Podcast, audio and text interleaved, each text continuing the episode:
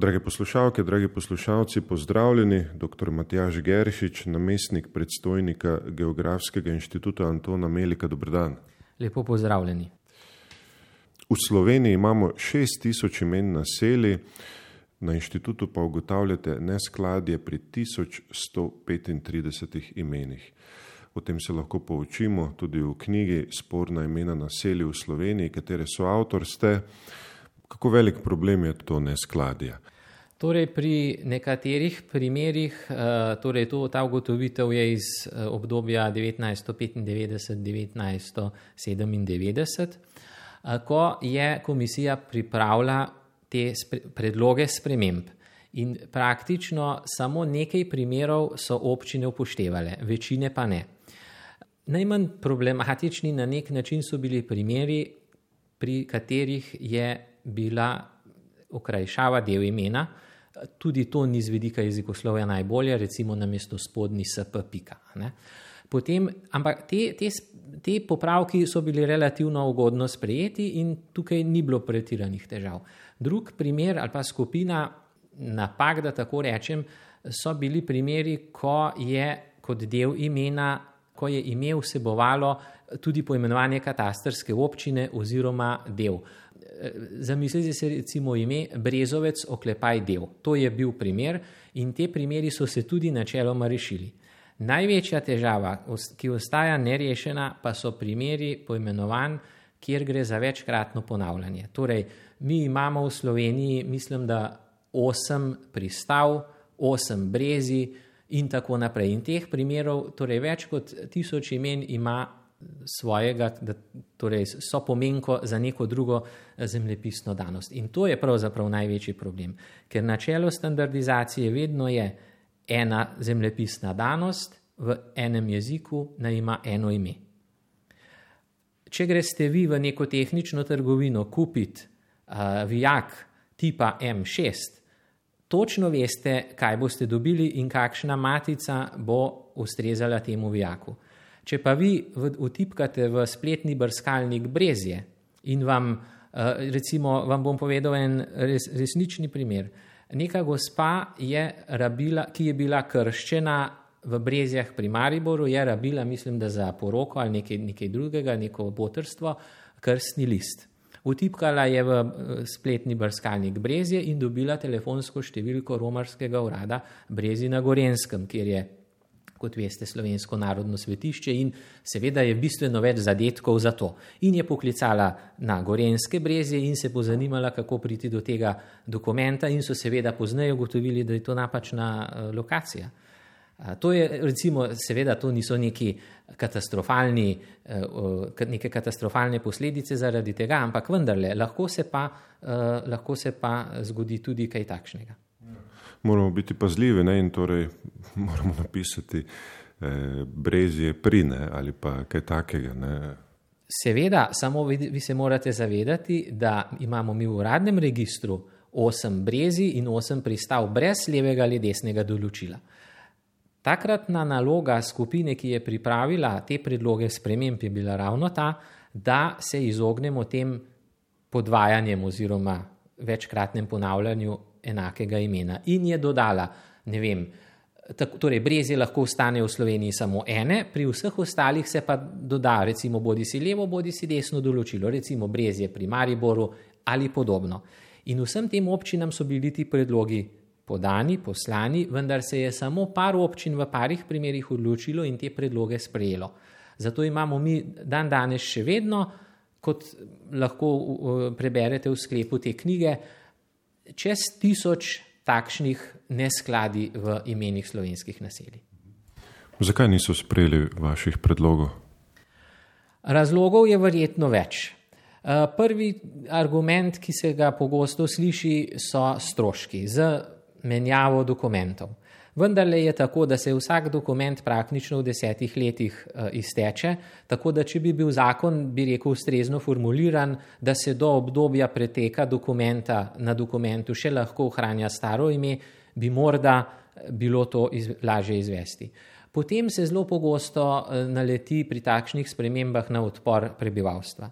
A veste, ime posameznega kraja, kjer ste v veliki večini primerov praktično celo življenje, um, postane del posameznika. In vse te spremembe nekih, da tako rečem, navad je sila težko spreminjati.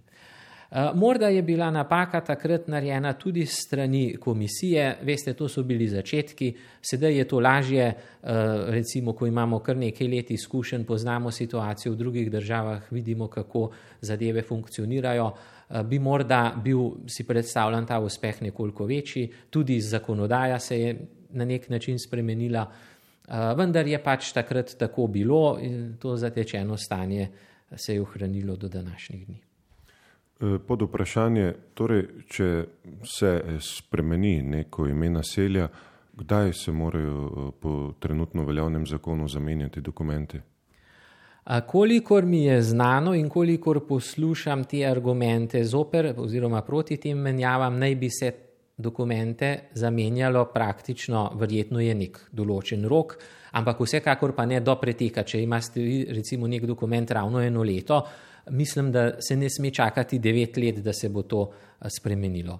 Toliko, kolikor sem, nisem pa jaz pravni strokovnjak, kar se tiče teh, teh zadev, tako da to vam pa z zagotovostjo pa ne morem zatrditi. Zakaj imamo osem brezi in osem pristav, oziroma med njimi tudi kakšno pristavo?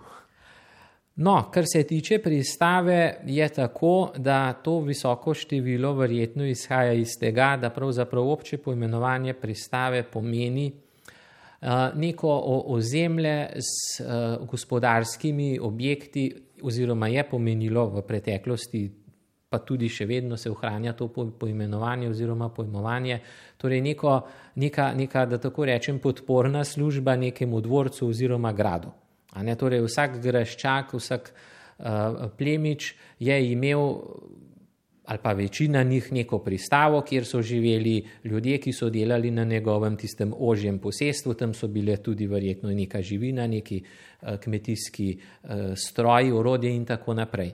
In ko so se Eh, te um, dvorci oziroma gradovi izpraznili, ko se je, ko se je način gospodarjenja uh, spremenil, so seveda v teh pristavah verjetno ljudje ostali in iz tega formila, formirali neko naselje. In zaradi tega je seveda to ime ostalo. Zavedati se morate še nekaj, da recimo v redu osem pristav je v državnem registru kot ime naselij, kot uradno ime naselij. Potem imamo pa mi še mnogo uh, drugih pristav, ki pa niso ime naselja, pač pa del naselja. Recimo, uh, vzemimo za primer pristavo na Bledu.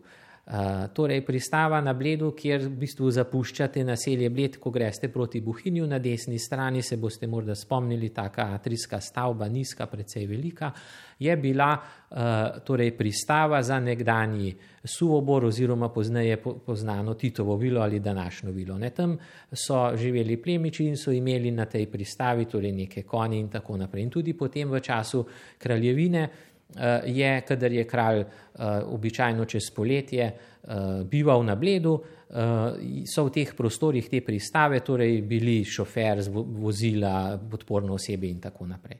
Pogosto krat se pojavlja, mislim, da morda tudi osemkrat ali morda sedemkrat, se pojavlja poimenovanje oziroma ime gradišče. Ne? Gradišče v splošnem pomenu je neka utrjena skupina stavb, običajno na nekem uspetem delu, kar seveda ni bilo nič nenavadnega v naši preteklosti, da so se ljudje organizirali in bivali na takih območjih. In tudi to je potem ostalo kot, kot ime naselja. Torej, imamo uh, več enakih imen za različna naselja v Sloveniji, in za nekoga je to mogoče lahko velik problem. Ko išče eh, kakšno, kakšen podatek ali pa kar, kakorkoli že iz določenega kraja, eh, kakšne so mednarodne smernice, to so jasne, ne, da eno ime za eno naselje. Tako je, mednarodne smernice so jasne in ko je Slovenija postala polnopravna članica organizacije Združenih narodov, se je seveda pričakovalo, da bo uveljavljen, ta uveljavljena pravila eh, spoštovala. In eh, kot sem rekel, pravila so jasna, torej ena danost, en jezik, eno ime. Zdaj v Sloveniji se sicer dopušča pa ena izjema, to pa je, da je lahko z enakim imenom, da sta poimenovani, oziroma da sta poimenovana dva tipa, dva različna tipa danosti. Se pravi, imamo primer Vipava, kjer je reka Vipava in naselje Vipava. To, ta dvojnica se, se dopušča. Če bi pa seveda zdaj nekdo želel poimenovati še eno na novo ustanovljeno naselje z imenom Vipava, pa zagotovo ne bi uspel, ker nas tudi, torej našo komisijo podpira zakon iz leta 2008 in takšno ime ne bi prešlo presoje komisije. Zdi se mi po vsem, kar ste rekli, da je to zelo težavno razreševati, torej da bi dosegli eno poimenovanje za, ne vem, da je bile samo ene brezije ali pa ena pristava, to se mi zdi skoraj nemogoče. Ne. Koliko primerov ste vsaj iz strani brezi ali pa pristav razrešili, da so se razrešili tako, kot ste vi predlagali? E, kolikor vem, e, prav nobeno. Prav noben takšen primer ni bil, ni bil razrešen v našo, v našo korist mislim, v našo korist, v korist oziroma skladno z smernicami, z mednarodnimi smernicami. Uh, tako da, kot rečeno, če bi se pa zdaj uh, želelo neko naselje, uh, recimo teoretično pristava na Bledu, odcepiti od naselja Bled in bi želela ohraniti ime uh, pristava, pa to ne bi bilo mogoče. To pa sedaj seveda ne bi bilo več mogoče. Ali pa da bi dobili še eno novo naselje, ne, pristava, ki bi nastalo, ne, to tudi verjetno ne bi bilo mogoče. To, to je pa nemogoče. Je. Torej, več uspeha boste dosegli pri uveljavljanju novih imen, ne, tam gotovo boste imeli več uspehov. Um, ali se kdaj zgodi, da um, predstavniki določenega naselja predlagajo svoje ime, eh, da imajo težave? podobno kot pri pristavi ali pri brezjah, ali se kdaj zgodi, da želijo sami spremeniti neko uveljavljeno ime naselja, ki je enako kot drugo naselje. Takšna imena so bila predvsem v preteklosti. Eh, vi se morate zavedati, da je komunistična oblast tam okrog leta 50 na silo, takrat ni nihče nikogar nič spraševal, Eh, spremenila številna imena, ki so izhajala iz svetniških imen. Eh, Bodi si, da so odstranili pridevnik sveti, torej recimo na pamet govorim iz svetega Andreja, postal samo recimo Andrej, mislim, da je bil Andrej pri Zmincu, neki tak primer, ali pa da se je ime popolnoma spremenilo. Recimo sveta Ana je postala podljubel. Tako da se je ta svetniškost oziroma ta, da tako rečem, katoliški oziroma eh, ta verski značaj imena popolnoma izbrisal. Po osamosvojitvi Slovenije, Slovenije so se pri mnogih takih primerih, tudi na pobudo prebivalcev tam, eh, ta imena spremenila nazaj. Tako katera, da, katera, naprimer, če mogoče veste, če lahko.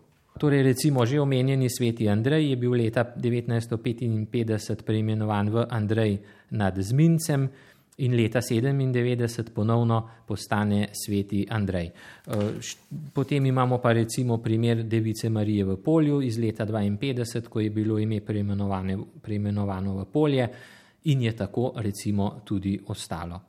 Ali pa naprimer selo pri svetem Andreju leta 52 postane sela pri Sobračah in je tako tudi ostalo. In še seveda mnogo takšnih primerov uh, imamo v Sloveniji, kjer so bile te spremembe iz obdobja torej 1950 do 1955, potem uh, je pri teh odločitvah tudi, tudi ostalo. Naprimer, Devica Marija v polju, to sicer eh, ali veste, ali so želeli spremeniti. Torej, naselje polje nazaj v Devica Marija v polju? Tega podatka žal nimam, to bi pravzaprav terjalo neko poglobljeno raziskavo vseh teh primerov in ugotavljanje, kaj se je dogajalo s posameznim primerom potem eh, po osamosvojitvi Slovenije, ampak nekaj primerov so ljudje vendarle dosegli, eh, recimo omenimo še eh, sveti Juri, ki je bil leta 1955 preimenovan samo v Juri, to je, to je tista skupina, kjer se je samo ta, da tako rečem, svetniškost zbrisala in je bil potem leta 90 ponovno preimenovan v sveti Juri, podobno recimo sveti Lenart, postal Lenart nad Lušo in leta 2004 ponovno sveti Lenart. recimo nekaj takih primerov je tudi, jih imamo v, v Sloveniji. Devica Marija v polju, to je sicer daljša oblika imena, ne mogoče bi nekoga že zadržalo, da že zaradi teh praktičnih razlogov ne bi želel spreminjati poimenovanje v to prvotno. Verjetno pa tukaj obstajajo tudi določene omejitve, ne, da ne moremo predlagati ime naselja, ki ima veliko besed. Vsekakor več besedna imena so tudi sicer nepraktična, obstajajo pa tudi nekatere tehnične omejitve, torej po novi zakonodaji in smernicah je število znakov v imenovanju naselij in tudi ulic omejeno, kot rečeno, predvsem zaradi, zaradi nekaterih tehničnih omejitev, kot je zapis na ulično tablo, na tablo za ime naselja ob cesti, v nekatere registre, na zemljevide in podobno. V Sloveniji nastajajo tudi nova naselja. Ali eh, prebivalci oziroma njihovi predstavniki predlagajo ustrezna imena oziroma takšna, kot jih zagovarja inštitut Antona Melika? Eh, žal ugotavljamo, da v Sloveniji naselja hitreje umirajo, kot se rojevajo, da tako rečem, tako da zelo veliko takšnih primerov ni. Eh, zadnji primer eh, novo ustanovljenega naselja je naselje Zatrnik. To je, če greste iz eh, Bleda proti Pokljuki, se morda starejši spominjajo smočišča. No, to, to, ta zaselek, da tako rečem, je bil del naselja Zgorne Gorje in se je, so se domačini pred dvemi, tremi leti odločili, da bi ustanovili svoje naselje oziroma ločeno naselje in so to tudi seveda dosegli, ker je bilo skladno s zakonodajo. Eh, predlagano ime za trnik je bilo sila uveljavljeno ime in tudi z vidika jezika ustrezno, tako da je naša komisija to, ta predlog eh, z lahkoto potrdila, tako da je bilo torej ustanovljeno novo naselje s tem imenom. Tako da ni, ni bilo večjih težav. Predtem je bilo ustanovljeno podjetniško ime Kočevje, Eh, ki pa morda uh, ta oblika pa ni najboljša, bi rekel, tudi zaradi tega že prej omenjenega večbesednega sestava, ki lahko povzroča komu pri kakšnih oblikah uh, potem uh, težave. In to bi verjetno zavrnili, ne, če bi želeli imeti kočevje. Če bi želeli imeti samo kočevje, seveda to ne bi šlo, bi pač skušali poiskati neko ustrezno poimenovanje, morda z kakega ledinskega imena, ki je bilo že prej na tem območju ali kaj podobnega. S tem bomo zaključili. Najlepša hvala za pogovor. Hvala vam za povabilo oziroma vaš obisk na inštitutu. Gost je bil dr. Matjaš Geršič, namestnik predstojnika Geografskega inštituta Antona Melika ki je skupaj z Dragom Perkom soavtor monografije Sporna imena naselij v Sloveniji. Pogovor sem vodil Aleksandr Čobec, hvala za pozornost in srečno.